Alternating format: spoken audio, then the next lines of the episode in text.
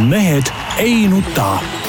selle eest, et mehed ei nutaks, kannab hoolt Unibet, mängijatelt mängijatele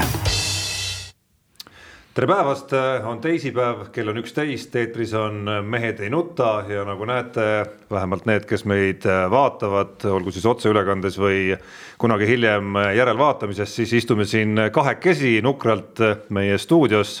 Peep Pahv tervist, ma ei saa öelda, et ma päris nukker oleksin. Äh, Tarmo Paju siin äh, mikrofoni taga ja kusagil avarustes peaks olema meil äh, Jaan Martinson igalt poolt mujalt Jõelähtmelt ja hetkel ka Horvaatiast istumas kohustuslikus korras kodus. tere, Jaan.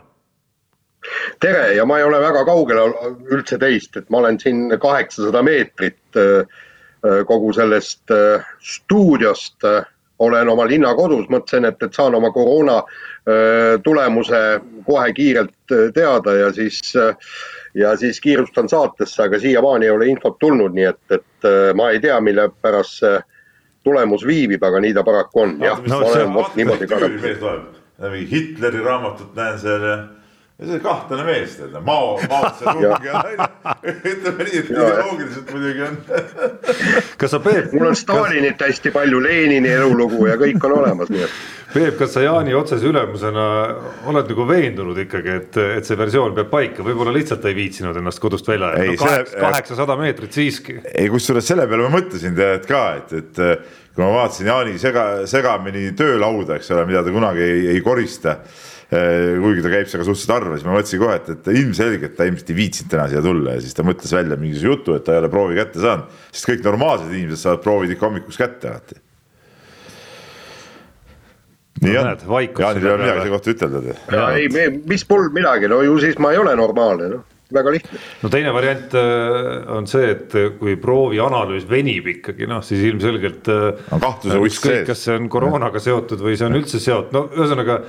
ma arvan, et seal lihtsalt ei saadagi aru, mis, mis asi see nüüd on, mis materjal meile siia jõudis. halb analüütiline leid on seal sees, tead aga kusjuures tegelikult mul oli kiirtest oli, kiirtest oli kenasti negatiivne, sest muidu enam lennukile ei saa kuskilt Euroopast ka ja siin kõikidele, kes kavatsevad kuhugi reisida, arvestage, et Tallinna lennujaamast ei pääseda ka äh, lennuki peale, kui teil ei ole koroonatesti või siis kiirtesti olemas, aga seal on üks väike aga.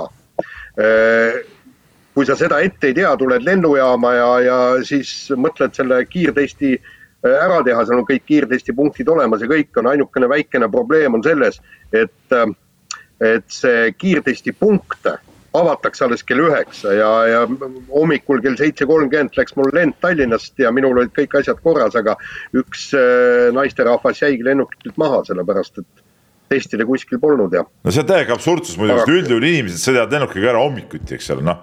ütleme, ma olen elus ikka suhteliselt palju lennanud ja ma arvan, sihuke no seitsekümmend protsenti lendudest on läinud ikkagi hommikuvara või isegi rohkem võib-olla, kaheksakümmend protsenti. väga harva on see, kui sa lähed päeval ju kuhugi minema. et miks see kiirtestipunkt siis kell üheksa avatakse, noh. see on totruste tipp ja ma ei tea, kes see, kes see, kes sihukese asja välja mõtles, noh. no mul lihtsalt äh, selle peale, et, et Jaani ana-, analüütilisi leide siin veel analüüsitakse kuskil Synlabi laborites. lihtsalt tuli meelde, te mäletate kindlasti Tujuriku ja klippi Ita Everi, Ita Everi vahelejäämisest äh, näitlemist äh, siis nii-öelda parandavate ainete tarvitamisega. Äh, legendaarne klipp, et võib-olla Jaanil ka ikkagi on seal mingisugused ajakirjanduslikku tööd soodustavad mingisugused ained, mis on seal ma ei tea, Eesti Meedialiit või, või keegi on, on lisanud oma nagu nimekirja. no mul on, mul on muidugi see tunne, et, et Jaani pole isegi need ained aidanud, vaadates tema, tema tööd ja, ja tegemisi noh, viimasel ajal. Nonii, aga läheme siis asja juurde ja läheme sujuvalt, ma arvan, kohe ralli teemade juurde, ehk siis äh, meie suur kokkuvõte Horvaatia rallist ootab kindlasti esimese teemana ees meid tänases saates ja noh, rallimehed esimese küsimusena ma arvan, on igati paslik, et kas Ott Tänak ei saagi nüüd siis asfaldil Hyundai'ga liikuma või samas ta ju on liikunud ka asfaldil või ei ole? no ega ta väga ei ole, noh, ütleme, ütleme võib-olla nii ebakindlalt, kui, kui seal eh, praegult Horvaatias välja kukkus. Eh, ta ei olegi liikunud asfaldil, et, et need, eh, mis seal olid, need varasemad, aga ta Monteski oli see aasta, ta oli ikkagi ju nagu kindlam natuke, tead noh oota, Peep, ma, hakkame nüüd sealt pihta, et tegelikult see oli ka esimene puhas asfaldiralli Ott Tänakul Hyundai'ga. sellepärast, et viimati, millal see oli, mitte isegi mullu, vaid tunamullu Saksamaa ralli oligi viimane asfaltiralli, samas tuleb märkida, et kõik Toyota mehed, kõik kolm, olid ka esimest korda asfaltil no nii-öelda uue autoga. et, et seda tõigi täna, Tänak nagu esile, et, et ta ei, ta lihtsalt ei ole Hyundai'ga sõitnud asfaltirallit korralikult ja ta ei tunne seda öö, autot ja, ja kusjuures see Horvaatia Äh, asfalt on ka veel eripärane ja, ja ei, ei saanud ikka asju paika. no mingil määral ikkagi asfaldiralliks võib ka Montet äh, lugeda, eks ole, et, et kuigi seal on need äh, igast lume ja jääolud ka, mis, mis kõvasti segavad, aga, aga ütleme, mingisuguse asfaldi aimduse saab ja aga jutt käib just see, et, et esimest korda sõideti kuival asfaltil, Montes seda ei olnud ja siis oli ju ka äh, see äh, Monza ralli, aga see oli ka niisugune talvistes tingimustes ja väga niisketes tingimustes kõik sõidetud, nii et kuiva asfaltiga oli ta tõesti esimene, esimene jõuproov saite, saite te pihta või said sa Jaan pihta koha peal, et, et, et kus see raskus nagu tekib eelkõige? Lihtsalt selles, et ei ole piisavalt Hyundai'ga saanud asfaldikilomeetreid või ikkagi noh, on mingid probleemid seal ikkagi veel no seal on küsimus on selles, et ta ei suuda ega ei, ei oska praegu seda autot eh, enda järgi seadistada ja ja, ja seda märkis ju ka Ott ja seda märkisid ka teised ajakirjanikud, et, et peale Terrine Villi ei ole mitte keegi eh, Hyundai'ga hakkama saanud. Eh, et no Villil on lihtsalt niivõrd palju kogemust selle autoga ja, ja toodi ju näiteks Andres Mikkelsen, kes, kes tõesti oli täiesti hädas terve aasta otsa selle äh, autoga ja, ja tunnistas, et ta ei suuda seda autot panna enda järgi käituma, soovide järgi käituma. Äh, Sebastian Loeb, noh, ei tahaks öelda, et üheksakordne maailmameister nüüd väga kehv asfaltil on, aga tema ka ei saanud ju äh, Hyundai'ga tegelikult hakkama. ja, ja, ja, ja näiteks sellel nüüd praegu sellel asfaltil siin oli ju Craig Payne ju ütles ka pärast seda viimast punktikatset, ta ütles, et ei puudub absoluutselt enesekindlus selle autoga sõitmisel. no siin on üks, üks, ja, ja see... ma segan vahele, et üks detail on ka need äh, uued äh, äh, rehvid, eks ole, millega ei ole harjunud sõitma mitte keegi ja kui sa veel nagu autot ei ole ka päris mugavaks saanud ja sul rehvid on ka uued, mida sa nii hästi ei ole tundma õppinud veel asfaldi peal, siis see on nagu topelt, äh, topelt keeruline hetk, tead noh. sest tegelikult juba esimesel kiiruskatsel ütleme Ott ju, ju, ju ütleme, elas üle mitmed siuksed äh, Äh, kuidas ma ütlen, ärevad hetked või, või, või napikad hetked, mis, mis lõigi sellele enese, enesekindlusele päris kõva paugu sisse. no, no ja samas oli neid ära, ärevaid hetki oli ju tegelikult kõigil ja, ja see äh, asfalt oli ju kurvides oli ääretult libe ja, ja, ja kõik vennad ju käisid mingil määral, kas, kas siis äh, rajalt väljas või siis võttis selle auto ikka korralikult vibama ja, ja aga, aga, aga jah noh par, paraku see nii, nii on ja, ja, ja seda Ott Tänaku pettumust oli ikka päris valus vaadata, et, et no ei saa, ei saa ja proovib, proovib ja, ja, ja mitte kuskilt maalt ja mitte midagi kuidas tundus, kas natukene isegi oli seal ka kõrvaliste tiimikaaslaste pettumust, et Andre Adamo ka seal juba selliseid lauseid natuke ütles, et tuleks kiiremini sõita? no no mida sa teed, eks vaata muide, mul tegelikult äh, on ka väike, väike nagu äh, mõte selles, et, et me räägime ka nüüd siis nendest valedest rehvi valikutest, no äh, kui Ott Tänak esimesel päeval üksinda võttis viis kõva kummiseguga rehvi, kõik teised läksid siis miksiga välja, et kõvad ja pehmed, et, et see oli, see oli nagu Ott Tänaku otsus.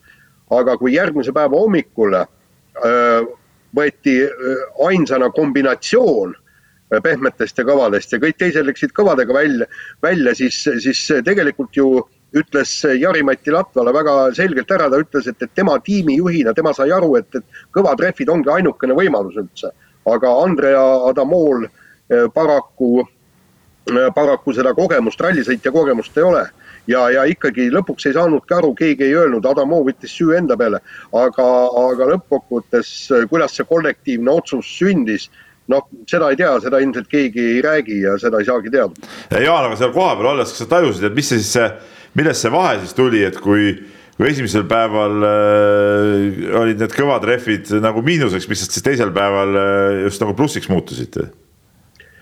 no seal oli ilmselt, ilmselt olid need teeolud ja, ja, ja seda ju ütles ju Jari-Mati Latvala ka, et, et kõiki olusid arvestades on, on, on see, noh, ma ütlen, et, et ma ei ole sedavõrd spetsialist, eks, et, et seal on ilmselt nad vaatavad ju ikkagi asfalti temperatuuri ja vaatavad nende kiiruskatset ja asfalti struktuuri ja kõike need. Seal laupäeval olid ju pikad kiirus, kaks esimest kiiruskatset olid ju kahekümne kilomeetrised, ilmselt selle järgi siis, siis nagu valitigi no kõiki neid detaile kokku pannes noh, Ott Tänak võttis justkui nagu maksimumi tegelikult, mis sellel rallil võimalik võtta oli, see, et Kalle Rovanpera kadus sealt veel konkurentsist ära. see tegi ja, ja ütleme, teised ei kadunud, siis see tegi nagu neljanda koha selleks, mis, mis oligi nagu võimalik nendes oludes. et suurim kaotaja tegelikult mõnes mõttes oligi Thierry Neuville tänu sellele rehvi jamale. no tema oli kindlasti mõnes mõttes kaotaja, aga, aga kuigi Äh, tema see äh, probleem oli ikkagi lühem, ütleme pärast ta suutis ju sõita ikkagi normaalselt ja see ongi, see tuleb välja, see, mis Jaan ka rääkis, et ta on selle autoga lihtsalt nii palju harjunud. aga mis ma tahtsin veel nagu Tänaku juurde korra ütelda, et äh, ma ei tea, Jaan, palju sellest seal kohapeal juttu oli, aga noh, kui me räägime korra punktikatsest, siis tööõnnetus oli ju see, et Craig Priin oli Otist eespool, et sihukest asja ei tohiks tegelikult juhtuda. et, et sihukesed mehed, kes ei sõida kõiki rallisid ei tohiks punktikatsel nagu. aga ta oli ka Neville'ist lõpuks eespool ju. ja ta oli ka jah, jah, jah. no okei okay,, Neville lasi seal pikaks, eks ole, seal kurvis aga, aga jah, noh, tähendab sellest nagu juttu ei olnud, see üldse praegu koroona ajal on ju see rallikorraldus on, on säärane, et ega seal ei saagi ju noh, niisugust äh, erilist jutuajamist jah, Ott Tänakult seda, seda ei küsinud, aga, aga seal nagu omavahel äh, rääkida, rääkida ju väga ei saa, sellepärast seal pressikeskuses sisuliselt kedagi ei ole ja ja, ja siis äh, vaadatakse, oodatakse seal rallipargis, kui need sõitjad tulevad ja pärast ralli lõppu saab paar-kolm sõna vahetada, et et nii ta on, aga, aga tegelikult jah, et Priin tegi, tegi täiesti, ta võttis sisuliselt Ott Tänakult ühe punkti ära ja, ja kui kui nüüd äh, maailmameistritiitli järgi tuleb see üks punkt tuleb äh, tiitlist puudu, no vot siis on kahju küll. see peab olema nagu tiimi poolt paika pandud tegelikult, et sihukest asja ei, ei juhtuks, noh, minu arust. aga ma tulen selle asfaldi, seda... ma tulen selle asfaldi ja, ja Oti teema juurde nüüd tagasi natukene ikkagi, et et okei okay,, lähiaja vaates justkui suurt vahet nagu ei ole, et hulk kruusarallisid on järgnemas, Portugal, Sardiinia, Keenia, meie kohalik ralli aga, aga ühel hetkel hooaja lõpus just tulevad jällegi asfaldirallid tagasi. et äh, mis see väljavaade nüüd on ikkagi, et äh, väga keeruline on ju ennustada ja prognoosida, et äh, kui Horvaatia ralliks valmistudes ei, ei, ei leitud, eks ole, lahendust, et nüüd mingit väga suurt imet suudetakse teha olukorras, kus vahepeal sõidetakse mitu kruusarallit ja siis, siis tuleb jälle üks asfaldiralli vahele. ei no ega siis see, et vahepeal sõidetakse kruusarallit ei, ei puuduta asfaldirallideks valmistumist kuidagi, et et äh, mulle tundub, et äh, ma olen täitsa veendunud selles, et Hyundai võtab äh, mõned väiksemad asfaldirallid vahepeal ette, et ikkagi proovida ja sättida seal. nii nagu nad käisid enne Horvaatiat sõitmas Sanremo rallit, eks ole. et, et see on, see on nagu suhteliselt kindel, et nad peavad, peavad lihtsalt sõitma ja, ja proovima, et ega neid testi testipäevi ju, ju seal priisata ei ole ja, ja need on ikka oma standardsed päevad, aga just nende väikestel rallidel on need kohad, kus nad saavad äh, saavad äh, autot sättida just, just eriti oluline on see nagu Oti jaoks, et noh, ma arvan, et Neuvilli jaoks see nii oluline pole, et tema, tema jaoks on asjad suht hästi, aga seal peab, iga mees peab ikkagi selle autos seadistuse nagu enda jaoks leidma, õige no ja tegelikult on ju asi ka selles, et, et äh, Ott Tänak ilmselt peab jälle survestama, kui tal on mingid ideed, survestama inseneri, nagu ta tegi ju enne Arktika rallit, kui ta ütles, et kahe nädalaga tehti, tehti. Äh, vaata, Jaan, ma segan vahele, siin on kaks äh, erinevat ja. asja, et kas tal on need ideed juba praegult olemas või peab ta need alles alles leidma, sest et üks asi on Arktika ralli ja ütleme talveoludes noh, on selgemast selgem, et, et Tänak tunneb talveolusid ju tegelikult väga hästi ega noh, me ei saa öelda, et ta asfaldi ka nüüd, eh, nüüd kehva mees oleks, ta on ju asfaldirallisid võitnud ja nii edasi. aga, aga selge see, et ütleme tal, tal neid ideid eh, lumistes ja jäistes oludes on kindlasti kergem tekkima kui, kui asfaldi peal, et, et selleks ma arvan, tal ongi kõigepealt tarvis nagu sõita, et saada veel nagu aru, mida nagu vaja on. aga kui me ja, tuleme. seda kindlasti jah, ja aga, aga me, ma lõikan nüüd siia vahele ka sellega, et, et tegelikult kui ma küsisin selle auto nii-öelda kruusaseadistuse kohta, et, et kui tugevalt ennast tunneb kruusal, käidi ju testid tegemas Portugalis ja noh, sealt tuli ka ebalev vastus, et praegu ei oska öelda, et me peame esimese ralli ära sõitma, et siis, siis näeme. et, et, et see ongi noh, ütleme, sa Peep lähed nüüd Portugali, et, et ütleme, et, et tugev ärevus on sees sellepärast et äh, kui Tänak tahab ikkagi äh, seda kõige kõrgemat tiitlit püüda, siis ta peab olema kruusal, noh, kruusarallides ta peab ikka äh, nüüd järgmisest neljast rallist, kui nüüd see Keenia toimub, peab ikka umbes kaks tükki ära võtma ja kaks korda poodiumil, et siis on ta mängus tagasi. ja no seda muidugi, aga noh, tõenäosus, et ta kruusa peal ikkagi on on kiire selle autoga, on, on ju tegelikult suur, sest et ega ka eelmine hooaeg näitas, noh, Eestis ta ju võitis ja ja, ja ta oli veel nagu, nagu ju suures mängus ikkagi sees, et, et et kruusa peal tal on igal juhul nagu lihtsam seda autot seadistada, kui ma arvan, see asfalt ongi oma olemuselt kõige, kõige keerulisem igal juhul tal. Noh. ja aga nüüd tulevad mängu uued rehvid, eks punkt ja, üks. seda kindlasti.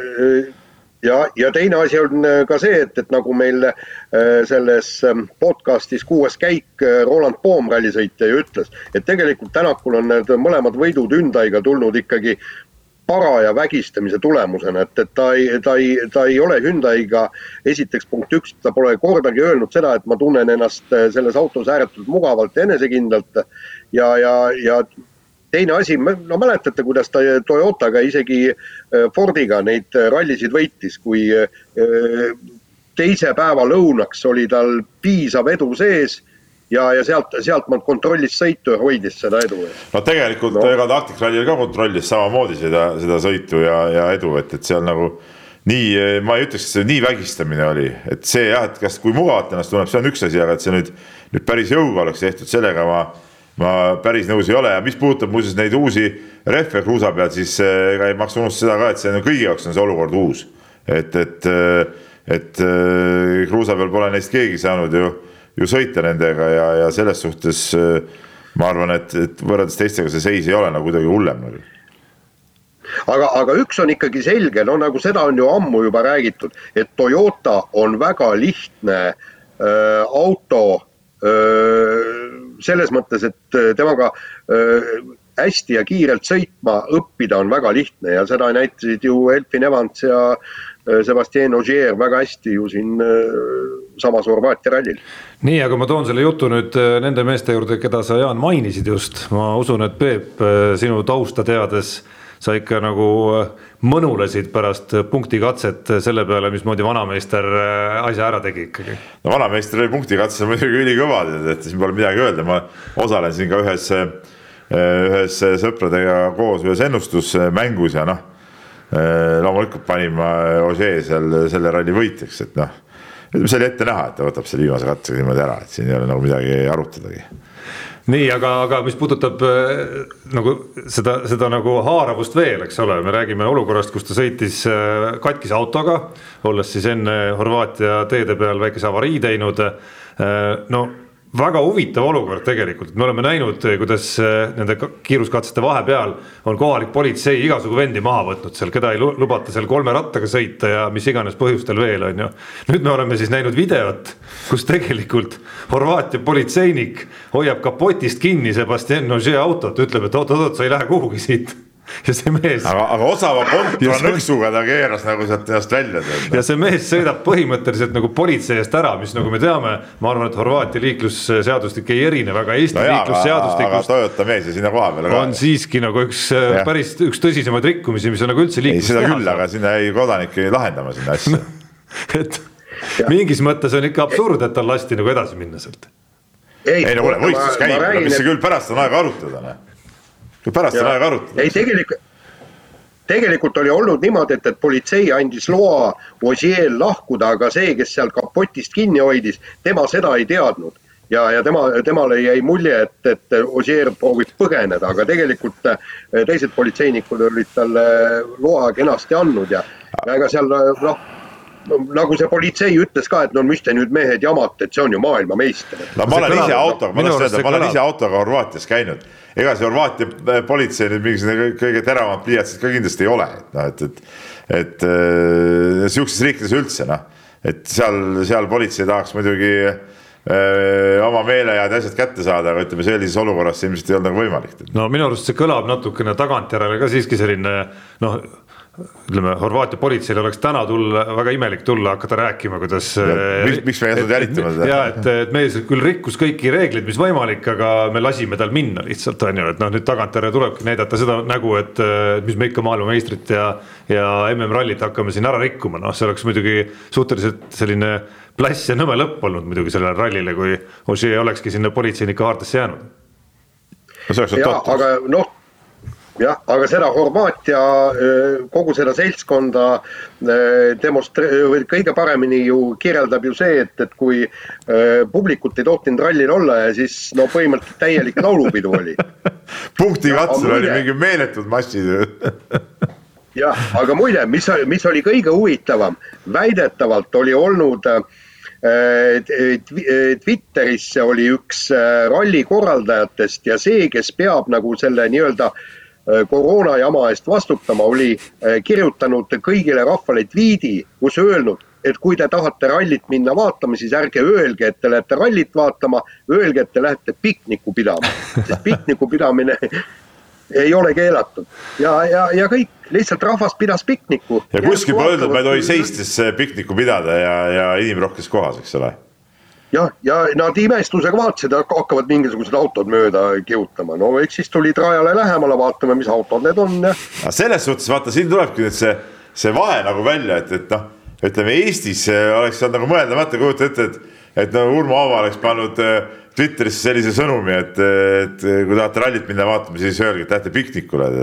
aga Horvaatias nii tehti ja mõnes mõttes, mõnes mõttes on see tegelikult nagu äge, et, et me vilistame äh, pikas kaares äh, Äh, sihukese jama peale, et, et äh, võistlused ei saa vaadata, inimesed tahavad vaadata ja siis noh, ka korraldajad aitavad natuke kaasa, tead noh. no sinu, no. sinu, sinu suust ma muidugi ei imesta selle üle, et sa oled ka selle koroona aasta ja mõne kuu jooksul muidugi käinud ära kõikides äärmustes, küll lukustanud ennast üldse ukse taha ja siis leidnud, et piiranguid pole üldse vaja. no see publiku keel, see publiku keel oli ikkagi ju viiruse pärast. rahu ja mõistan, aga kui võistlus ka on, siis noh mõnes mõttes ma ütlesin, mõnes mõttes on see nagu lahe, see selline käitumine, sihuke nagu kerge mässumeelsus, tead noh.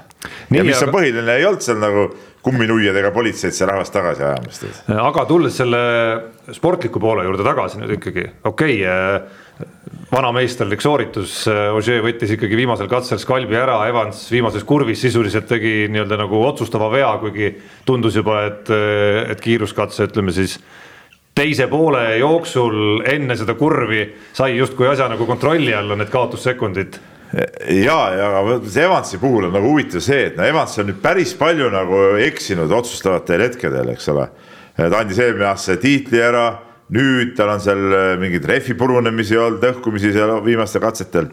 et tegelikult ja, kas sa pole mõelnud selle peale, et kui Evans ükskord selle nii-öelda punni pealt ära saab ja, ja suudab nagu need äh, pingelistes olukordades eh, hakata eksimusi vältima, siis, siis Evans võib olla tegelikult siin ütleme lähiaastatel päris kõva eh, tiitli pretendent tegelikult ikkagi reaalselt nagu ja ei kindlasti, aga, aga vot siin ongi nüüd see, et, et ühel vennal ühel hetkel hakkab eh, pea kestma, aga teisel ei hakka ta kestma mitte kunagi.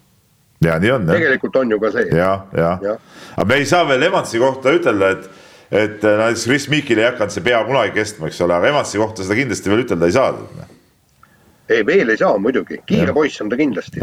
aga noh, soosik number üks hetkel Ogier, siin ei ole vist tiitli jutus praegu nagu väga väga nagu kaksipidi mõtlemist. jah, ma siin lugesin kuskilt, et keegi ütles, et, et ka Neuville teeb äh, tiitli äh, võiduks nagu sihukest nagu head hooaega ja ütleme, liigub nagu selles suunas, aga noh, Neuville sellistes hooaja esimese, esimese poole rallides on alati olnud väga kõva ja ja, ja püsinud kõrges konkurentsis ja võitnud sekund sekundi mängus, ma mäletan, üks aasta oli see vist ka Sardiinias, kui ta viimase katsega Ožeed omakorda ära, ära võitis ja, ja nii edasi, et ta on igast asju teinud, aga aga mul millegipärast Neuvilli hooaja tervikuna nagu mõttes ikkagi usku ei ole, tema on nagu minu arust näidanud ikkagi seda, et ta nagu otsustavatel hetkedel kukub ära ja, ja, ja, ja ta on juba piisavalt, piisavalt palju seda nagu tõestanud.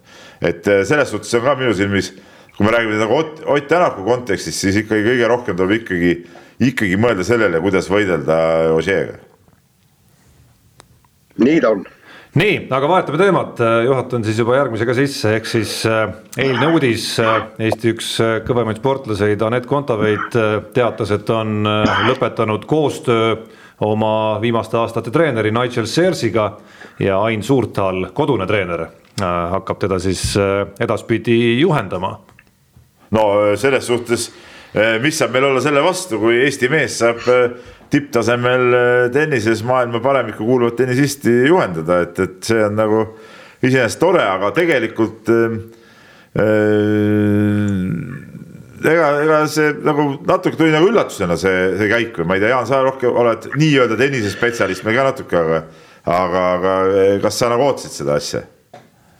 no ei saa öelda, et ootasin, aga, aga kui see uudis tuli, siis äh, noogutasin äh, isekeskis mõistvalt, et noh, no tegelikult on Anett Kontaveit seisma jäänud ja, ja kusjuures ta on, ta on kõvasti edasi arenenud Nigel Searsiga koos, eks. aga, aga nüüd viimasel ajal on nüüd väike mingisugune plokk on ees on. ta oli ju maailma edetabelis neljateistkümnes. Nüüd on ta langenud no kahekümnenda kohtade lõppu sinna kuskile.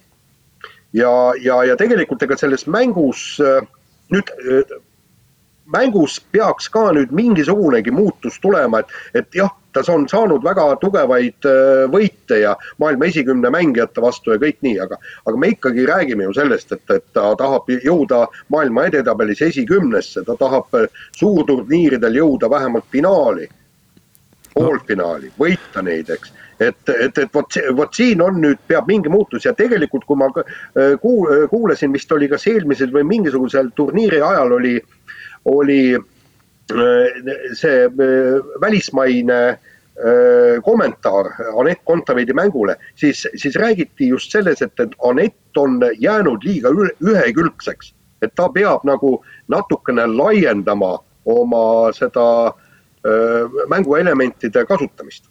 no aga selle, selle valguses ma küsin, kas Ain Suurtal on päris julge, julge valik, eks ole, okei okay,, ta on endine Eesti oma, noh, Eesti mõistes tipptennisist. Seda küll, aga ütleme rahvusvahelist sihukest suurt kogemust ei mängija ega treenerina tal ju tegelikult ei ole ja ta on päris no ma ütlen vana mees, aga noh, ütleme küpses eas treener, et, et, et seda on päris huvitav vaadata, et kas ta kas ja kuidas suudab Aneti mängu seda muutust siis tuua nüüd? noh, olukord on ju selles mõttes äh, keeruline kommenteerida meil, et äh, ega Anett ise ei ole ka veel väga põhjalikult ju, ju rääkinud seda muudatust lahti, aga aga minu arust Jaan võttis selles mõttes nagu sõnad suust ära, et mul on tunne, et see vahetus oli rohkem äh, nagu vajadus midagi muuta kui võib-olla see, et, et, et vaadati konkreetselt Ain Suurthal välja ja, ja tund, tund, tunti, et just sinna nüüd ma tahan nagu liikuda. ei no seda küll, aga seda muudatust ei tee ka nii, et sa võtad täiesti suvalised mehed, seal ikkagi Suurtali võtmisel olid ka ilmselt järelikult mingid äh, selged põhjused no,. sel tasemel ei võta ju, no ma ei tea, ei helistanud ju Jaanile, et kuule, et tulema treeneriks. no võiks võib-olla, aga, aga kusjuures mõtlesin Jaan, täpselt sama tunnet äh, tundsin sel hetkel, kui Äh,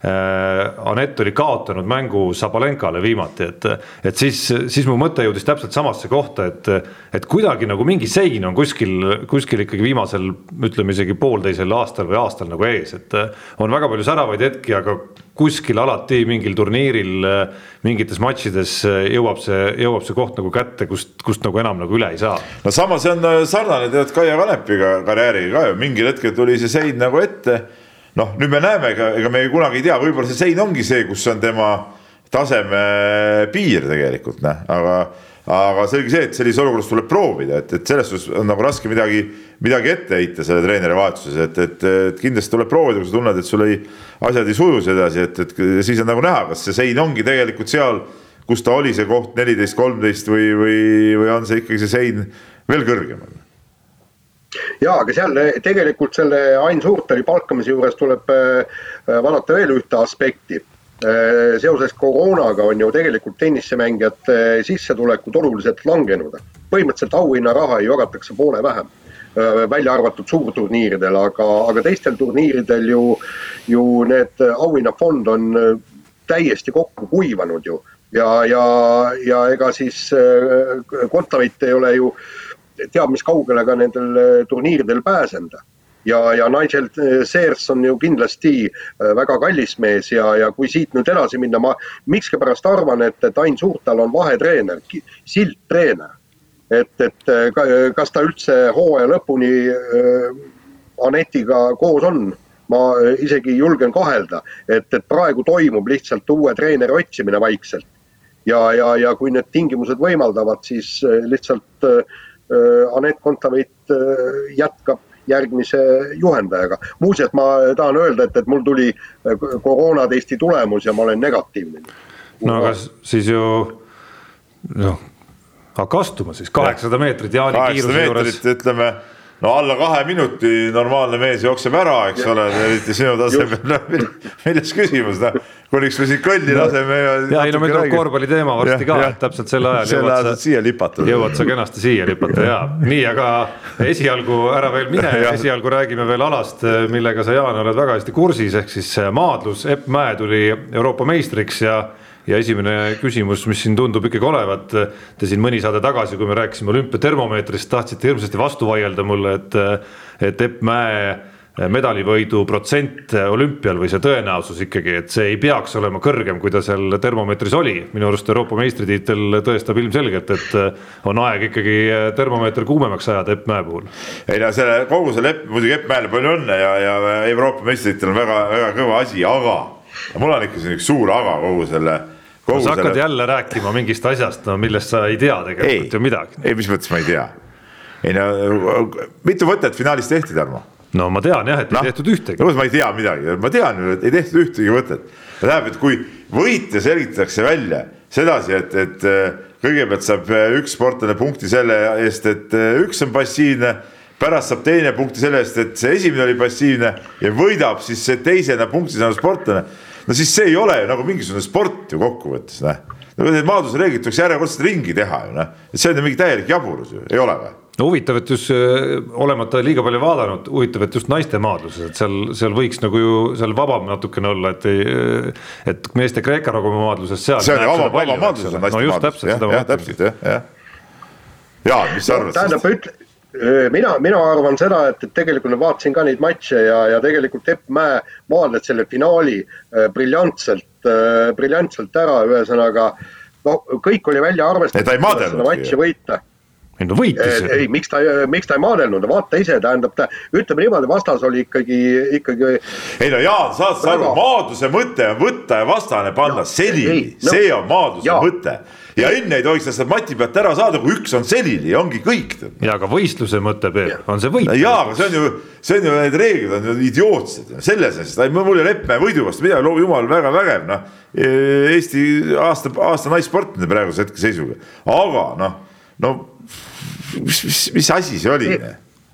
Peep, kuule, Peep, me räägime praegu ühest matšist tegelikult on ju Epp Mäe ju kasvõi tänavu võitnud kõik matšid see ainukene finaalis ainukene punkt, äh, mis ta üldse sel aastal vastastele on andnud, äh, seda esiteks. teine asi on see, et, et Epp Mäe probleemiks on olnud see, et, et ta ta, ta on tormanud pea ees võitlusse ja vastased teavad, teavad, kuidas tema vastu maadelda ja ma olen ju ise näinud ja ka olümpial on, on ta kaotas matši, mille tegelikult oleks pidanud äh, võitma, lihtsalt no treener ütles, no ta ei. no see oli Riios, me koos vaatasime seda, jah. no just, eks, et, et, et ühesõnaga ta, ta ei maadelnud äh, olümpial ja, ja ka eelnevatel aastatel piisavalt targalt. Ütleme siis äh, nii, aga, aga, aga nüüd see finaalimatš, ta tegi kõik täpselt selleks, et võita ja taeva pärast, olgu siis üks-üks seis olümpiafinaalis ja kui sa võidad selle, no vasta ei, ma sellega olen nõus, aga ma lihtsalt räägin sellest äh, asja nagu tervikuna. no see ei äh, kas sa tõesti, Jaan, nagu kiidad sihukese formaadi nagu heaks või? ei, ma ei, ma ei kiida seda formaati heaks, aga kui see formaat on, on säärane, säärane juba on, siis, siis noh, midagi ei, ole selge see, sportlane peab kohendama ennast vastavatele reeglitele ja selles suhtes tegi muidugi Epp Mäe kõik õigesti, ma ei üldse ei kritiseerigi teda, ma lihtsalt räägin kogu sellest äh, süsteemist, et aga, aga selles suhtes no ma ei tea, äh, selge see, et tähendab medali, medali šansid olümpial tõusid äh, päris kõvasti. no kuhu tõstame protsenti? no see protsent ja jutt on minu arust üldse sihuke, sihuke umbluu, tead noh. aga ma arvan, et ta on no., tõusis äh, Eestis ütleme medalisoosikutes ikkagi sinna top üks-kaks. ei no ta oli juba enne esimene. ei olnud või? oli esimene või? muidugi aga ma isegi ei mäleta. küsimus on lihtsalt, et protsent võiks olla, ma ei tea, palju sealt nüüd puudu oli, Jaan, sinu arvestuste järgi neid, kes, kes siis medalikonkurentsis olümpias, olümpial no, lisanduvad sinna päris palju tegelikult ik,? Ikka oli, ikka oli, ikka oli Ameerikast, Kanadast, siis kaks Euroopa maadlejat, kes lähevad nüüd endale olümpiakohta hankima, sellepärast jätsid EM-i vahele, ütleme niimoodi, et olümpial ei ole ühtegi nõrka vastast sul. Noh, kui, kui, kui sul just mingi aafriklane. ei no seal võib sattuda ja... alati mingid regionaalkohaga jah, need igasugused, et noh. Ja jah, just, aga, aga seega noh, jaapanlanna on tugev, kõik Hiinast, et seal, seal on, aga, aga tegelikult praegu on Epp Mäe seis selline, kui me vaatame kõiki tema viimaseid maadlusi, ta pole, ma ei mäleta, millal ta viimati ei pääsenud poodiumile mõnel turniiril. ja, ja Epp Mäe jaoks peaks olema, ainus eesmärk on medal ja kui medalit ei tule, siis on põrumine. oota Jaan, aga, aga värskenda nüüd mälu, millal ta viimati nende muu maailma parematega sai eh, maadelda? Ja ei, ta, ta on saanud siin, mõned turniirid on saanud maadelda ja ta võitis seda olümpiavõitjaks tulnud Kanadalat nad siin eh, ühel turniiril ja ta, ja ta ju eh, sai ju MM-iga, teenis ju olümpiakoha, kui MM-il võitis ju pronksi, eks ju. Nii et, et ta on tegelikult, ühesõnaga ma arvan, et, et see on õige, et Epp Mäe on kõige tugevam ja füüsiliselt kõige parem äh, raskekaalumaadleja naiste seas. nagu, nagu on treenerid öelnud ja, ja, ja spetsialistid öelnud. nüüd ongi see, et, et kuidas äh, targalt maadelda ja oma äh, pea külm hoida ja siis tulevad need medalid ka nii, aga räägime korvpallist ka, kuigi siit äh, mõeldes, mis, mis ajad korvpallis käsil on äh,, otsustavad mängud koduses liigas, euroliigas äh, võiks rääkida kindlasti palju pikemalt, kui meil tegelikult no,. see on erisaate teema nagu täitsa täpselt nii ja pluss sel nädalal tulemas veel Euroopa meistrivõistluste finaalturniiri loosimine ka veel, mis on huvitav, huvitav hetk tegelikult, et juhin tähelepanu, meil on siis viiskümmend, viiskümmend tõenäosus pärast kõiki neid paigutusi sattuda Luka Dontšitšiga ja Sloveeniaga ühte alagruppi näiteks. näiteks jah, see oleks äge see oleks äge ja ütleme sealt vastaseid, noh, tegelikult tahakski, et tuleks võimalikult palju selliseid tugevaid vastaseid mõnes, mõnes mõttes. et, et oleks nagu ägedaid mänge, et noh, muidugi teistpidi tahaks jälle, et tuleks just need kõige soodsamad vastased, et saaks nagu edasi, on ju aga noh, pigem ma tahaks nagu selliseid tugevaid näha, et, et nendega nagu mängida oleks nagu lahedam. nii, aga, aga no alustame kodusest play-off'ist võib-olla, et äh, Peep, sa oled vaadanud äh, vist äh, viimasel nädalal, ma julgeks väita rohkem kodust korvpalli kui siin võib-olla hooaja keskel mingitel hetkedel isegi. no ütleme, ütleme intensiivsuse poolest küll jah, et ütleme nii palju jooksva nädala jooksul mänge pole, pole vaadanudki ja ütleme näiteks seesama Tartu, Rapla seerias sai kõik kolm mängu, õigemini kaks ja pool mängu, sest ma kolmandale mängule jõudsin nii, et ma vaatasin ennem Tallinnas ära Tarva ja, ja, ja TTÜ mängu ja siis läksin, jõudsin poole pealt sinna ka veel. aga no., aga ütleme nii, et äh, ei no tore on tegelikult, et, et päris ägedad, ägedad mängud on olnud ja, ja, ja, ja, ja noh, see taseme kohta võib muidugi nuriseda, et, et kui kui ma vaatasin seda äh, Tarva ja, ja TTÜ seeria teist mängu seal saalis siis eh, noh, seal mõne inimesega sai nagu vesteldud ka ja, ja sai nagu räägitud, noh, et ega see tase nüüd eh, mingi kõrgtase muidugi ei olnud, et see oli ikkagi seal kohati, eriti esimesel poolel oli see mäng nagu päris, päris hirmus vaadata. sihukest praaki ja, ja soperdamist ja, ja asju oli, oli päris palju, aga lõpus ta läks muidugi põnevaks ja ja, ja, ja mis, mis pääses maksusele, et kuidas Tarvas nagu edasi sai, oli ikkagi see, et, et Kluditis ja Harris individuaalse oskuste poolest äh, on lihtsalt nii kõvad, ütleme, et, et nad eh, tegid, eh, tegid seal ära ja ütleme, nende kõrvalt oli siis seal Saaremäel ja, ja, ja, ja, ja teistel meestel ka seal võimalik oma punktid ära teha, aga ikkagi kokkuvõttes see oli ka huvitav, kuidas see Kluditis võeti esimesel poolajal nullile. Ja siis teisel poolel tõstis ikka, võttis enda peale, ikkagi tegi, ta oli pannud vist kaheksast null enne ja siis hakkas tegema, tegema viisteist silma ja ja, ja, ja tegidki Harrisega ära selle, et, et see oli, see oli nagu vahva, ma olen alati sihuke Tarva Tarva pooldaja tegelikult olnud ja mul selle üle oli, oli iseenesest nagu hea meel, et nad poolfinaali said jälle.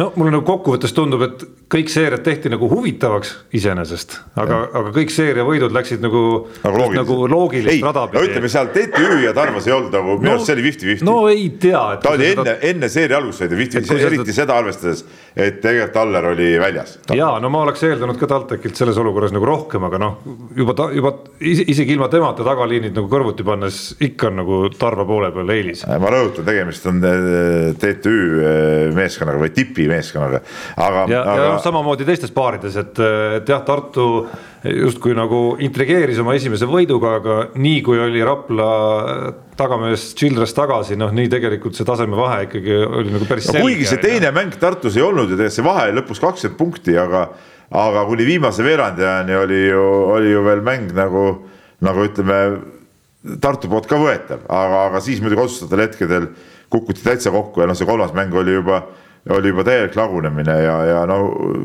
mis öelda selle Pärnu ja, ja Tallinna Kalevi kohta on ka muidugi see Pärnu äh, selline, kuidas ma ütlen, nagu ikkagi äh, kahvatu, kahvatu mäng tähtsates mängudes. Äh, muutub nagu sümptomaatiliseks juba natuke, et, et, et seal on nagu mingid mängijad, kes kuidagi ei saa ennast nad ise ütlevad ju ka, et me ei saanud nagu ennast käima ja nii edasi, et noh, tekib nagu küsimus, et mis, miks ei saa käima. Noh. no lihtsalt äh, lõppkokkuvõttes äh, loogilised äh, olid edasipääsejad ja kui nüüd hakata vaatama nagu väljalangejaid, siis noh, ega seal ka ei ole nagu väga pikaltki minu arust kinni jääda, et see, see Kalev, ütleme noh, on sats, mille, mille nagu eksistentsi alused on nagunii sellised natukene nagu segased, et. et oodata neilt või näha neid näiteks kustumas veerandfinaalis viimastel veerandaegadel tundub üsna loogiline tegelikult. aga kui... miks, aga miks see tundub nagu loogiline? no sellepärast, et seal on vahetunud treenerid, seal on vahetunud legionäre Kamaluga. kust, kust peaks tulema aga, näiteks nende aga, legionäride hea füüsiline vorm. aga kas, no ei, aga, aga miks sa pead võtma legionäre, kes kes on olnud aasta või ma ei tea, palju mängupausil, eks. ja, aga seda ma räägingi, et see ongi ja. loogiline, kui sa, kui sa niimoodi oma võistkonda üles ehitad. ja, ja seda küll jah, no seda ma kirjutasin ka oma kommentaaris. just täpselt, et noh, TalTechi puhul samamoodi seda segadust on sellel hooajal ikka päris palju olnud, eks segadust on palju olnud jah, ja, ja ütleme noh, seal OE-l oli palju juttu, et kuidas Chris Killing, noor peatreener, saab, saab selle meeskonnaga hakkama, et tegelikult ju, ju, ju TTÜ paigutati ju kõikides ennustustes päris kõrgele kohale, sest noh, kokku saadi ju, ju vägev sats ju, noh okei okay, no Puidet läks ära, Kangur läks ära, äh, siis äh, Kajupank lõpus vigastatud, et sellest hiilgusest ei jäänud ka väga palju järgi. aga, aga, aga ilmselgelt ütleme, Killingul ka ei tulnud treenerina võib-olla ikkagi ei õnnestunud päris, päris hästi need asjad, et, et kuidagi seda, seda vanade noorte kooslust ja seda minu arust väga hästi Äh, tööle ei saadud. Jah, ja noh, see, millest nüüd kõige rohkem on räägitud, on Tartu, eks ole, Tartu tulevik, siin on kõik äh, kohalikud oponendid on, äh, on nüüd ütleme. ja mina kiitsin Tartut. hakanud möllu tegema. sain Tanel Teini käest riielda. ja hakanud nüüd möllu tegema, kuidas ambitsioonid tuleb kõrgemale tõsta ja nii edasi ja nii edasi. aga tahavad nagu tõsta, nagu jutustab nagu välja. no ma küll täpselt ei saa aru, mida siis mida seal nüüd täpselt siis tegema peaks, kuigi ülikooli spordiklubi vist nüüd on öelnud, et tahavad veel tõsta, kuigi ega nad ei tahtnud ju tudengimeeskonnaga mänginud, mängida ka sellel hooajal, seal olid legionärid kes äh, olid lõppkokkuvõttes ikkagi üsna ebaõnnestunult valitud ja muud midagi no,. jättes välja see esimene mees, Will Raymond, kes äh, hooaja alguses ära osteti.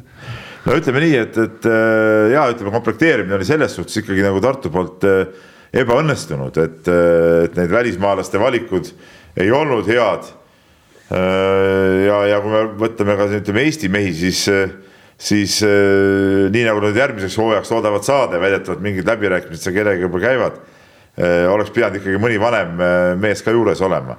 mis mulle väga meeldis tegelikult oma olemuselt, kui ma nüüd seda kolme mängu ka vaatasin nagu hästi tähelepanelikult saalis ja, ja ütleme, Raplas istusin ka mõlemad mängud seal Tartu pingi taga just, et see see Kandimaa ja Tiit Soku, Toomas Kandimaa, Tiit Soku vaheline see selline, kuidas ma ütlen, nagu, nagu keemia ja, ja kolmas treener Naarits ka sealjuures, et, et seal see treenerite töö, mis seal pingi peal käis, see mulle küll nagu meeldis, et, et, et kui nüüd ütleme, treeneritel oleks käes ka natuke paremad nupud ja, ja siis ma arvan, et ma arvan, sellest satsist võiks järgmine aasta olla kindlasti juba, juba selge sihuke kuidas ma ütlen, nagu lihtsurelik tiitlipretendent. ja et noh, pane see, ütleme ta, tagaliini see Childressi tasemel nii-öelda õnnestum-, õnnestunud värbamine ja kuhugi korvi alla, noh, ma ei tea, Lauris Plausi masti mees ja, ja see oleks hoopis teistsugune meeskond. ei no Plaus on teinud muidugi ääretult ebaõnnestunud hooaja. no, nüüd, no nagu lõpupoole on läinud, lõpupoole on läinud kehvemaks, eks ole, aga noh,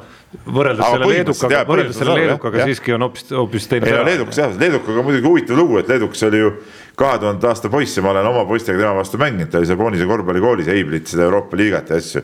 siis ta oli muidugi täielik dominant äh, mängija, et noh, tegi kõike ja, ja tema vastu ei olnudki nagu võimalik saada, siis ta läks Hispaaniasse ära. ja, ja huvitav, seal nagu seda arengut ei tulnud ja on nüüd tagasi tulnud ja on, on jäänud täiesti mingisugusele kängunud äh, täiesti suvalisele tasemele, et, et sellisel kujul temast nüüd küll meeskonnal väga palju kasu ei olnud tegelikult. nii, aga Jaan andis delikaatselt oma väikese sellise köhatusega nüüd märku ikkagi, et äh, korvpallijuttude aeg on vist täis. mul on muidugi see küsimus, me nagu Euroliigast ei jõudnudki rääkida. ja, no seal ikkagi see, mis toimub Barcelonaga. ei, aga mis seal toimub, mis seal toimub nii väga? ütleme, ütleme küsimus on, küsimus on muidugi selles, et, et ega seal muud midagi ei ole. mul on kaks küsimust. Äh, mis toimub Mirotitsiga ja mis toimub Galatesega miks need mehed on sõna otseses mõttes nii kehvad praegu tead noh. ja, ja sellele küsimusele noh, kas sul on vastus? noh, esimene loogiline seletus võiks olla see, et äh, ega ongi sellise raju suursoosikuna päris keeruline mängida ikkagi. number üks. see on, see on ikka päris keeruline olukord, noh ka Jassikevitšuse seisukohast ja. on ikka vaks vahet kas sa oled äh, sellise meeskonna treener, kelle jaoks play-off'i pääs on juba selline, kus sind kantakse kätel ja noh, Final Four, siis sa oled jumal, eks ole yeah.. või see, et sa oled Barcelona ja, ja kõik alla tiitli on tegelikult ebaõnnestumine. ei, see oligi huvitav, et kui ma vaatasin seda, seda mängu seniidiga, see esimene mäng on ju. ja, ja, ja kui need hetked seal tulid, kus nad hakkasidki nagu kaotama juba. ja siis ma nagu vaatasin, et noh, kes platsi peal on ja kes pingi peal nagu on, siis mõtlesin, paganast ei olegi kedagi võtta üldse, kes seda mängu nagu parandaks, et. et sellisel tasemel, et, et kujuta nagu ette, et sihuke olukord on noh. et seal mingid mehed nagu kukkusid täiesti ära, aga, aga ikkagi huvitav küsimus on selles Pau Gasolis no,, et, et kas, kas see oli ikkagi nagu, nagu õigustatud, see tema sinna võistkonda võtmine, et. et esimeses äh, veerandfinaalis viis minutit või neli pool, teises ei mänginud üldse noh, kuidas ta nagu teistele mõjub. tohutu tähelepanu no,, mis talle jah, läks seal vahepeal et, kõik, kõikide meeste jaoks, alustades Miroditšist, kes olid harjunud võib-olla kogu seda tähelepanu jah. ise omama. noh, ma ei räägi, et see tead-. mina arvan, et see Miroditši mäng ongi seotud selle Pau Gasoliga tegelikult. võimalik, no võimalik, et seal on mingi harjumisaeg lihtsalt, mis tuleb lihtsalt läbi teha, on ju, aga nüüd hooaja otsustamas. aga Galatase tegutsemisel ei ole nagu seletust minu arust. teda ei tohiks ju keegi segada no see võib olla osa mingisugusest üleüldisest, mäletad, kuidas Moskva CSKA kunagi, kunagi kokku kukkus ja. just selles faasis, kus kõik arvasid, et okei okay,, see siin on vormistamise küsimus. ja me ei saa öelda, et Ivkovitš oleks olnud vilets treener ja mängijad oleksid olnud kehvad no,. vabavisked viskasid vist kolmekümne üheksa protsendiga Euroliiga poolfinaalis. nii on. nii, laseme kõlli. kuigi ma ütlen siia otsa, et ma endiselt usun, et nad siiski ronivad välja sealt no ma, no, välja, no, üks, üks, ma usun, teine asi see, et ma väga loodan, sest olles Kjavitsuse talendi suur austaja nii tema mängu, mängikarjääri ja, ja, ja veel rohkem ka treeneri karjääri ajal, siis noh, see peab nii minema. Noh. nii, aga kiire vahemäng, kiirelt läheme selle juurde, eelmises saates rääkisime pikalt äh, jalgpalli superliiga ideest, mis tuli, vallutas maailma spordimeedia pealkirjad ja siis paar päeva hiljem täpselt sama äkki, kui see tuli, oli lugu läbi põhimõtteliselt, kõik järjest loobusid ja, ja väga segaseks jäi, mismoodi see, see, see nagu sellisel tasemel niimoodi sai olla üldse. see on täiesti absurd ju tegelikult. Jaan no,, no räägi midagi. minul on siin idee olemas. ja mul on see ikkagi see säärane arvamus, et nad, need suurklubid mõtlesid, et nemad on niivõrd suured ja nemad saavad kogu seda jalgpallimaailma dikteerida ja, ja neil oli tegelikult noh, kui sa hakkad midagi nii suurt looma, siis minu meelest tuleks ikkagi ära teha kõigepealt see taustatöö ja esimene asi oli kohe äh, vaja uurida, mida arvavad sellest fännid. sest okei okay,, võib-olla FIFA-ga me ajame asjad korda UEFA-ga ja, ja, ja äh, nendega klatime asjad ära, aga kui fännid tulevad tänavale ja hakkavad äh, meeskonna särke põletama ja, ja kõik muu säärane minu meelest fännid panidki selle asja uuesti paika ja tegi, ajasid asja korda no ma lihtsalt teistpidi imestangi, et me räägime klubidest, kellel on ju jõhkrad eelarved, kümned-sajad miljonid, kus on tohutult know-how'd, PR-teadmisi, ärijuhte, kõiki, kõiki, kõiki oskusi ja teadmisi, et, et kuidas nad nagu ei osanud nagu li, nii lihtsaid asju ette näha, et see ei käi niimoodi lihtsalt, et meie ütleme, et nii on ja nüüd nii jääbki. see on, see on kummaline ja, ja, ja ütleme natuke muidugi pani hämmastama see ka, et, et et nad nii kiiresti nagu murdusid ikkagi selle mingisuguse vastusurve all. et, et sellistelt, sellistelt ütleme klubi juhtidelt, noh, need ei ole mingid suvalised Hansud või, või Maikelid kusagilt, vaid need on ikkagi võib öelda nagu tippärimehed ja, ja, ja, ja tipptegijad. et sihukese surve all murdumine nii kiire oli, oli ikkagi minu arust nagu liiast, et siin oleks, oleks, oleks võinud või pidanud seda asja kuidagi nagu edasi ikkagi ajama nii, aga vahetame teemat, Eesti tippkorvpallurite rindel on uudiseid, Maik-Kalev Kotsar pikendas Hamburgi klubiga lepingut, Gerg Riisa otsustas jääda Arizona ülikooli äh, pärast vahepealseid kahtlusi ja ESPN on siin Henri Trelli paigutanud järgmise suve NBA drafti teise ringi valikuks oma ennustuses.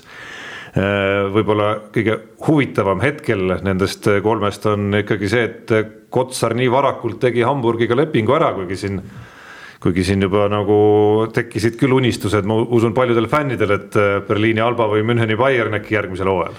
see oli huvitav ja, ja ma, ma äh, rääkisin ka Kotsariga siin eile äh, nendel teemadel ja, ja tegelikult noh, ta tõi ikkagi välja needsamad põhjused, mis on ka korra siit läbi käinud, et, et noh, see klubi talle meeldib ja, ja peatreener meeldib ja, ja arenguks tundus see, see kõige parem koht, aga, aga aga mulle nagu ka nagu tekitas see ja ma ei saanud nagu selget vastust tegelikult, et, et kas siis ütleme mingi euroliiga tase ja see ei oleks olnud äh, arenguks nagu, nagu parem, et sellest, sellele küsimusele nagu selget vastust tegelikult ei tulnud, et, et kui nagu kõrvalt vaadates, see on nüüd puhas nagu kõrvaltvaataja pilk, oli natuke kiirustatud minu arust see, see, see leping, aga teisalt jälle, kui ta tunneb ise, mängija ise tunneb ju ka kõige paremini.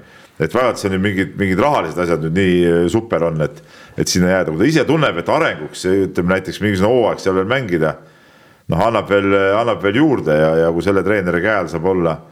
ja, ja ma seda küsisin ka, et, et kas ei teki see oht, et see treener ise võib nagu ära minna. et noh, ta on head hooaega teinud, et, et võib-olla otsustatakse just üle ja, ja ma saan aru, et, et, et vähemalt esialgu seda ohtu ka ei ole, et noh noh, võib-olla miks ka mitte, las ta teeb ühe hooaja. ja no tead, kolmas nüanss, ma arvan, ongi väike selline äh, sümpaatsus tänapäeval, mida on vähemaks jäänud, just selline nagu väike lojaalsus no, moment, ja, ja selline ja, nagu püsivuse nüanss sealjuures, et, et kui ei ole mingit silmnähtavat põhjust ära minna, kui pakkumised on head, siis ehitada oma karjääri nagu rahulikumalt natukene üles, mitte tormata ja kippuda nagu esimese võimaluse peale vahetama, et, et on neid, on neid on neid variante ju küll, kus isegi mitu korda hooaja jooksul hüpatakse ühest kohast teise. kuigi tipptasemel tegelikult ju on seal lojaalsust palju rohkem, kui sa võtadki siin needsamad Realid, Barssad, äh, satsid, CSKA-d, seal ju ikka vennad ju püsivad ju aastaid ja aastaid ja aastaid ühes, ühes võistkonnas. ja lihtsalt risk teiselt poolt on nüüd see, kui ma ei tea, võib-olla võib-olla hakkab mingid asjad seal klubis, meeskonnas, äh, treeneriga, mis iganes riskid seal võivad nagu tulla, on ju. see risk on igal juhul nagu olemas ka muidugi selle juures, et üks asi on see, et ma võin seal areneda järgmine aasta. teine asi on see, et aga, aga noh, kindlasti meeskond natuke muutub, on ju. Ei tule võib-olla sellised partnerid, ei hakka asi niimoodi klappima, ei sobima.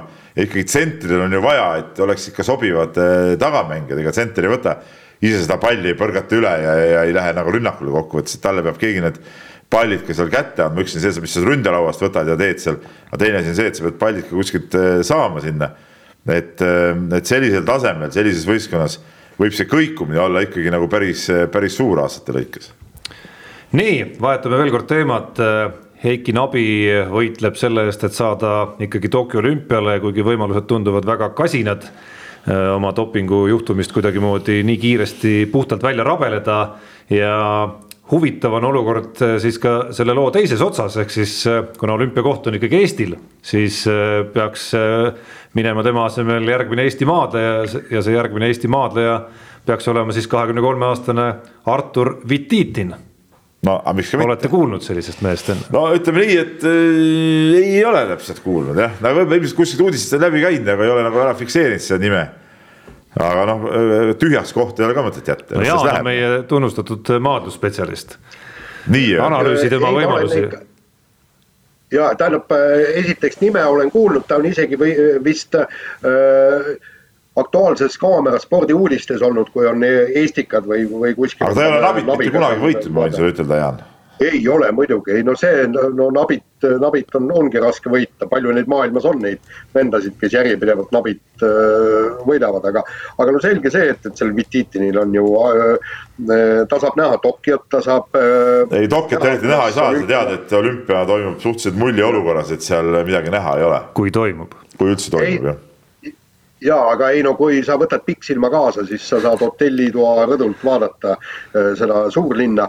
Ja teine asi, et äh, noh, tema jaoks on see selgelt on nii-öelda kogemuste hankimine. Ja võib-olla see, see olümpial viibimine ja, ja maadlemine, noh, ma ei usu, et ta sealt kedagi võita suudaks, annabki talle niisuguse power'i, et pagan küll, nüüd järgmine kord ma tahan siia juba tulla tegusid tegema või siis ülejärgmine kord. no see on ainukene lootus nii, vahetame veel kord teemat. Eesti sai ühe dopingujuhtumi ka vahepealse nädala jooksul ja, ja selle mehe nimi käis meil korraks korvpalli teemas läbi, Egert Haller, Rakvere Tarva tagamees ühtlasi ka Eesti koondise kandidaatide listis. oli ka ju Permi mullis. listis täitsa olemas, sai siis õnneks tõsi küll üsna, üsna väikese karistuse seda siis kanepiõli tarvitamise tagajärjel. ma ei, ma ei taha nüüd pead anda, minu arust on mingi variant, et medalimängudes saab juba kaasa teha nagu midagi ma kuulsin, aga noh, äh, aga teisalt nüüd. noh, siin näeb ikkagi üsna õnnetusjuhtumi moodi asi, no, asi välja. aga muidugi ma ei tea, no mis, äh, kuhu seda õli siis määritakse, kui sa magada tahad või mis sellega tehakse üldse? no vot, siin me praegu nüüd äh, ei maksa vist väga kaugele minna oma mingite oletustega, unevaevuste leevendamiseks. ei, ma saan aru küll, minul unevaevusi ei ole, mina väsitan ennast päeva jooksul nii palju ära, et kui ma ei tea pikali, siis ma üldjuhul ütleme, üheksakümmend viis protsenti juhtudes ma magan sel hetkel, kui pea patti puudutab. ja kusjuures ma olen aru saanud, et see ongi selliste nagu, kuidas ma ütlen nendel inimestel, kelle jaoks maailm ongi väga lihtne, vaata, on nagu näiteks tema arvamus ja kõik noh, muid ei eksisteeri. noh, nad, neil ei ole ju mingeid mõtteid peas, vaata, mis kuidagi segaksid magama jäämist ja kõik asjad, nii lihtsad on ju, lähed padjale ja korras. mõtted tuleb enne ära mõtelda, kui sa nagu magama lähed, noh. magamine on nagu muude asjade jaoks ja no, aga... no vaata, kõigil ei ole, kõik ju pole õnnistatud. no jaa, kuule ikka noor mees nagu mis, mis, mis kanepiõli, no ma arvan, et selle jaoks on ka mingid, mingid asjalikumad eh, vahendid, kui, kui mingit kanepiõli kuskil no. määrida ei noh, ei no, ei no kuidas, kuidas meeste tavaliselt hea tukk peale? no Jaan kindlasti Jaan kogenud mehena. noor mees peaks hakkama saama küll. oskab Egertile kindlasti soovitada järgmiseks eh, nii-öelda unetuks õhtuks mingisuguse parema vahendi kui kanepiõli noh, ütleme niimoodi, et need kanepi pooldajad on üldse, ütlevad, et kanep on kõikide hädade vastu ja, ja üks asi on õli ja teine asi on võib-olla väike niisugune paar kõhvi teha ja nii edasi, aga, aga ma tahtsin lihtsalt öelda, seal oli ju kunagi Äh, kunagi räägiti, et äh, sõjaväe ajal tuleb sõdur ära nii äh, väsitada, et voodisse heites ta peab magama kolme sekundi pärast. ja kui ta jääb magama viie sekundi pärast, siis järelikult ta on vähe väsinud ja tuleb koormust juurde panna. ja vot siin tegelikult ongi küsimus treeneritele, et, et kas teie treeningud on piisavalt intensiivsed ja nii, et, et poiss ikkagi ära väsiks. no nii palju, kui on, nii palju, kui on kuulda, siis Rakvere Tarva treeningud ei ole vist väga intensiivsed no selles suhtes, et need, kes kohapeal seal nii-öelda profikorvpalli mängivad, nende, need teevad ikka iga päev trenni. ei no iga päev ikka jah, aga noh, ta ei ole selline nagu suur koormuste mees, ütleme niimoodi. ei, seda küll, aga teisalt jälle nüüd ma asun ikka Rakvere Tarva kaitseks selle natuke välja, et. ei, mis et, sul ei ole vaja kaitsta, selles mõttes, et me räägime esineliku meeskonnast, hooaeg korda läinud. rahu, nii, ma tahtsin öelda seda aga kas peabki nii kõvasti trenni tegema? ei, ma ei andnud hinnangut, ma lihtsalt sedastasin fakti. hirmsasti trenni, nagu ma aru saan, pool võistkonda on terve hooaja vigane olnud, eks ole. kumb võitis? no ühesõnaga, Egert peab siis väsitama ennast lihtsalt teistmoodi. aga väsitada teistmoodi, no ta on noor mees, kena mees, küll, küll leiab neid väsitamisobjekte ka endale nii, aga kiire vahemängu lõpetuseks äh, soovime õnne Eesti rallifotograaf Jaanus Reele, kelle pilt valiti WRC sarja viimase veerand sajandi parimaks rallipildiks. ja see ei olnud ainus Eesti rallifotograafi foto, mis sai sellel konkursil kõrgele kohale. Timo Anis oli kolmas. muidugi palju õnne Eesti meestele mõlemale, Jaanus Reel eriti tore mees ka, oleme ikka rallidel ju, ju kohtunud ja, ja, ja olen näinud ka kõrvalt, kuidas ta nagu see õudne pässerdamine, see tema pildi tegemine seal, ükskord ma, ma ei mäleta, mis MM-ralli see oli, ma sattusin ka raja äärde samasse kohta, kus ta, kus ta siis seal oma tehnikaga möllas ja küll ta seal oli mitu aparaati sättis seal mingeid asju ridva otsas siin ja jooksis edasi-tagasi ja et seda ühte head pilti kätte saada, tuleb teha ikkagi väga-väga-väga põhjalikku tööd ja kuigi ma ütlen oma olemuselt, oma olemuselt mulle tegelikult sellised pildid nagu see võitis ja see on puhtalt nagu maitse asi mulle nagu väga ei meeldi tegelikult, mulle meeldib ikka see, kui ma näen ikkagi seda autot seal nagu noh, ma ei tea, ägedat kurvi võtmas või midagi no see on niisugune nagu kunstpilt, aga noh, see ongi kunst ja mina ei käi nagunii kokku, eks ole. ei käi, ma just et, et, oleks vaidlema hakanud, aga ma säästan aega. ja, ja ei, aga, aga Jaanus Reest pead nagu väga palju ja, ja ta oskab neid asju teha ja, ja ta on, on kõvasti vaeva näinud sellega. ja Timo Anis ka samamoodi, tublid mehed ja ütleme niimoodi, et, et see, see, kuidas need fotograafid seal töötavad, nad tulevad ju nädala alguses kohale, nad sõidavad ju kõik selle raja läbi äh, sõltumata tingimustest, no ma mäletan, kui oli, äh, rääkisin Monte Carlo rallil, kui ta ütles niimoodi, et noh, seal, nad peavad võtma endale naelrehvid ja ketid ja värgid ja kõik ja ütles, et see on ikka täitsa jube jää peal seal sõita kuskil mägedes, otsivad välja kõige parema koha ja siis noh, lähevad ju, nemad peavad ju seal kohal olema enne kui see rada suletakse ja kui hommikune kiiruskatse hakkab mingi kell seitse, järelikult nad peavad kell viis juba kohal olema ja kaks tundi passivad seal enne, kui autod tulevad. see on tegelikult jube töö, mis see ühe pildi saamine tähendab. nii, väike kõll Unibetis saab tasuta vaadata aastas enam kui viiekümne tuhande mängu otseülekannet. seda isegi mobiilis ja tahvelarvutis. Unibet, mängijatelt mängijatele. meie tänane Unibeti eripanus saab olema midagi Peebu hingele spetsiaalselt, aga enne on aeg, Peep, natukene raporteerida oma möödunud nädala võitudest mida ei ole, näen ma juba näoilmest ei ole jah. mis sa seekord ära unustasid siis oh,? kõik asjad elu on karm, aga õiglane. mis sinuga, mis toimub, tahad, tahad äkki natukene, natukene nagu pihtida?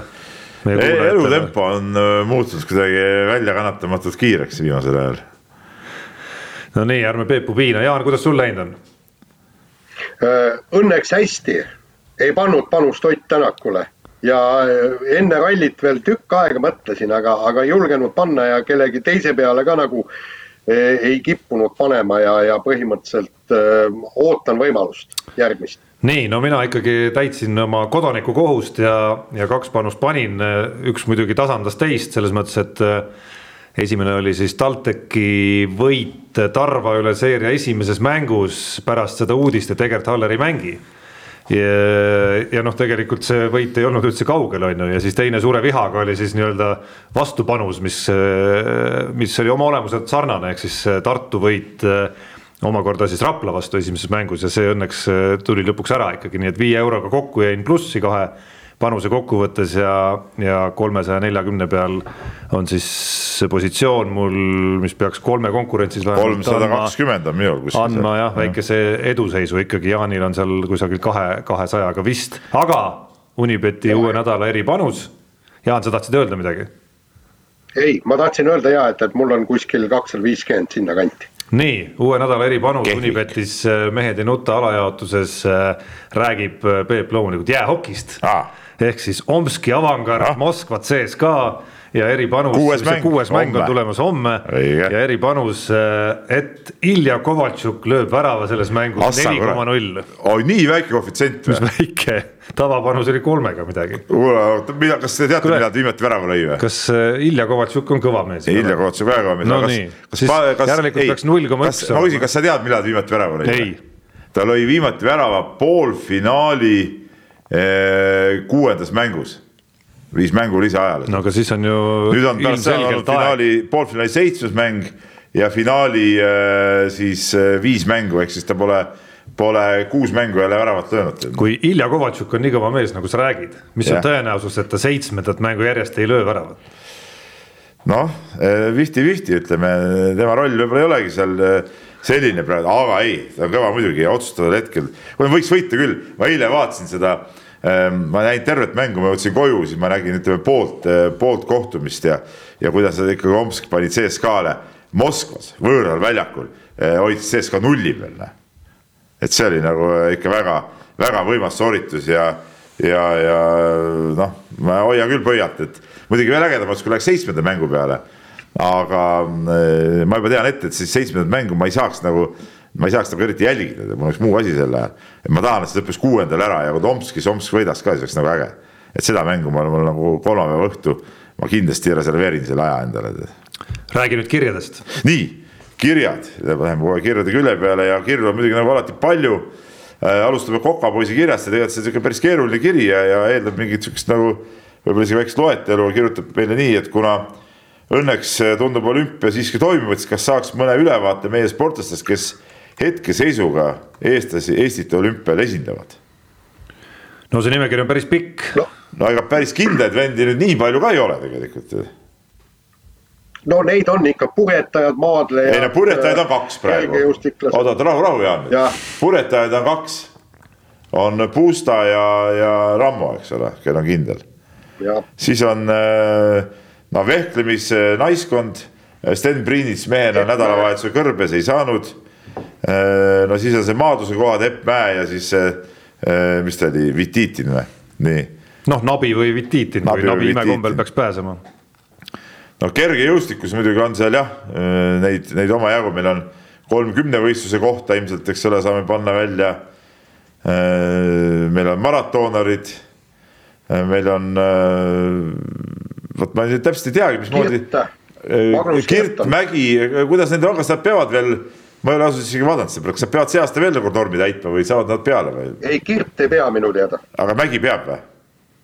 ei, selle, selle kohta. vot ma praegu isegi ei oska öelda. siis on meil kindlasti, kaks Nii. jalgratturit on kindlasti, kes saavad ja siis see Jaanika Lõiv veel proovib maastikurattas äh, peale saada. laskja Peeter Olesk on peal. ja nad üritavad veel ühte kohta saada, kui ma tegin Meelis Loidiga siin eelmine nädal podcast'i Peep Pahv hea hüppes, soovite kuulata, Loit räägib toredat juttu nagu alati siis, ähm, äh, siis ta ütles, et tegelikult no me rääkisime nagu eetriväliselt ka, et nad ühte Lassi kohta üritavad veel saada ja tuli välja, et isegi äh, nagu ma ütlen, ma ei tea, kuidas vanameister, vaid raukmeister Inešin on veel nagu mängus sees, nagu tuleb välja et, et seal nagu mingeid kohti on, et, et aga.... no Anett Kontaveit peaks olema olümpial.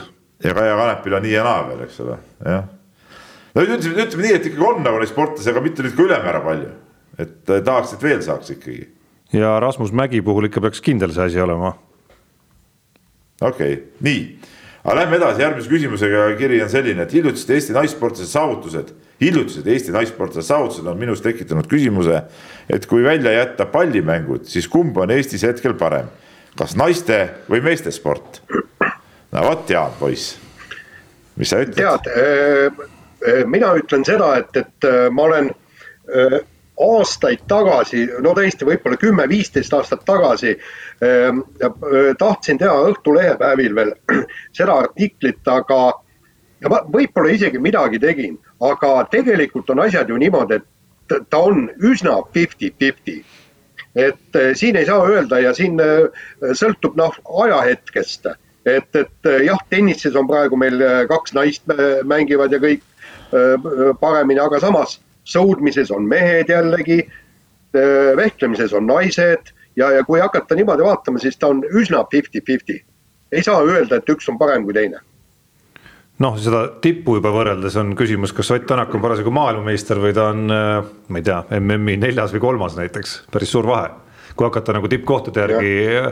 vaatama olukorras, kus sul on vastu panna näiteks maailmameister Kelly Sildaru või noh, hetkel Euroopa meister Epp Mäe noh, puhtalt nagu nende poodiumi ridade järgi vaadata. no jaa, aga meil on, äh, no okei okay, jah, Ott Tänak ei olnud äh, see aasta maailmameister, eks ole, eks-maailmameister.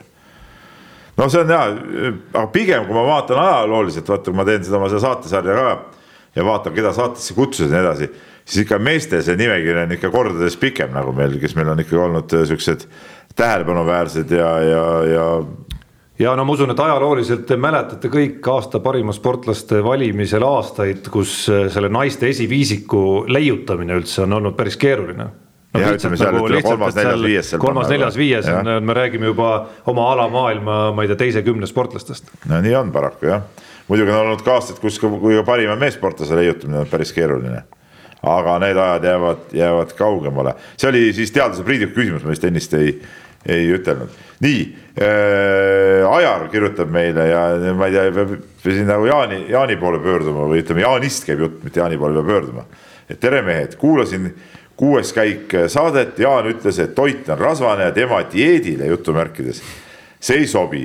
Kuna Jaan plähmerdab oma vastuse nagunii ära, siis kuidas kommenteerite teie Jaani dieeti? jutt küsimus on siin rohkem nagu teate mulle ja Tarmole, eks ole no,. ma ei tea, mis dieedist sa Jaan rääkisid. no minu arust sõna dieet, kas Oota, ei tähendagi seda, et see on. Tarmo. nii. Tarmo, ma sa-, ma saatsin sulle äh, mobiili peale pildi äh, Horvaatia toidust. vaata, kas sa näed seda, võid selle ka Facebooki pärast panna, ütle, mis asi seal on, mida ma pidin sööma mis mulle ei saadetud seda pilti ja mina tuntud, tunnustatud kokandusspetsialist. kokandus, ma ei ole kindel, et me kaamera siin selle kuidagimoodi nagu kätte saab. ei, see on mingi maius ju Jaan ju. ei, see on mingi kotlett pigem. ei, maasikas siin kõrval ju. maasikas on seal kõrval ju. aa, see on või tomat või? ei, see on ei, tomat, mis on, on äh, üle küpsetatud, just. see on mingi lasanje moodi asi, kus on kaste peal. Tarmo, see on kakskümmend eurot maksev veiseliha äh, äh, medium rare valmistatud. Ja nad kõikidele asjadele panevad meeletud, no näed ise, mis nad teevad. See on kuritegu, see on, äh, see on kuritegu, selles mõttes, et veiseliha peale ei ole vaja mingit kastet panna. Ah, mis te jamate. Majo, majonees sobib iga asja peale, tead näe. kusjuures ma tellisin ka lõhet ja, ja lõhe oli ka kaetud äh, näpupaksuse majoneesikihiga ah., seal ei ole võimalik, ma võtsin viis kilo öö, juurde ja naine pani mind nüüd juurviljadieedile. mina siiski, see on, ah, siin sa Jaan räägid ennast sisse praegu natukene, et, äh, et ütleme no., mina mäletan näiteks olümpiamängudelt, kui isegi nendelt olümpiamängudelt, kus on äh, väga rikkalik toiduvalik olnud, Jaan, sa ise mäletad näiteks, kui me koos käisime Torino taliolümpial, kus me kuskil vastu ööd enam-vähem kella kümne, üheteistkümne ajal sõime umbes nelja ja viiekäigulisi hotelli õhtusööke. Äh, no mis nagu dieedi mõttes äh, tundub nagu vastu igasuguseid äh, loogikaid, siis sellest hoolimata, kuna tööd oli nii palju, siis ma mäletan, et olümpiaga sai võetud ikkagi sihuke kaks-kolm kilo alla, et kui sina võtsid juurde, siis küsimus on selles, et kus see nagu töö tegemise pool jäi ja, aga seal ongi praegu koroona tingimustes ei saagi, sa pead. ei, miks, aga kes su keelas näiteks raja ääres käia, sealt mingid Äh, uurida, mis need inimesed seal teevad ja nii edasi, raja äärde võivad ajakirjanikud alati. ei, ma ei, ei, ma ei tohi minna. ei, ma ei tohi ju minna, ma ei, olen sisemine mull. ei. mis sa oled mingi sisemine mull, Jaan, kuule, ma käin ka MM-rallidel, ära aja nüüd mingit Käo Jaani, mingit sisemist mulli ei ole sul seal ma ise olen käinud kõikidel rallidel ju väljas. kuule, aga kuule, aga miks me ei käinud siis Rally Estonia ajal ei käinud? see oli Eesti mingi reegel, reegel, see oli ainult, ainult Rally Estonia reegel on see. kuskil mujal sihukest rumalust ju ei ole. et, et, et kui sa ju sa ei elanud ju ka ju selles suhtes äh, seal äh, ralliparki sind ju ei lastud, sa olid ju selles, kuidas ma ütlen, selles äh, madala, madalas tsoonis ju noh. noh, ja sealt võib rahulikult no,, sealt võib rahulikult käia raja ääres, käivad Dirtwissi omad käisin mina, kõik käivad. nii ja nüüd ma palun vabandust su ees, niimoodi sisse rääkisin.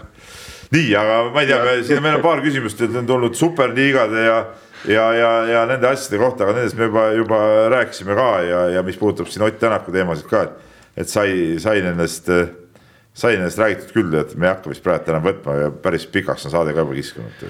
nii, aga tõmbame siis otsad kokku esiteks tuletame siis meelde, meile kirjutada saab nagu ikka men.delfi.ee meiliaadressil või siis meie Facebooki postkasti. pange meid või pange ennast meie püsikuulajateks küll Spotify's Apple'i podcast ides, SoundCloudis või kuulake Delfi taskust või vaadake Delfist ja loodame siis, et Jaan oma B-proovi saab ka vahepeal korda, nii et need halvad analüütilised leiud ja, ja muud kahtlused kõik äh, saavad kummutatud, nii et järgmisel nädalal teisipäeval on ta taas meil siin laua taga. kohtumiseni mehed ei nuta. saate tõi sinuni Unibet, mängijatelt mängijatele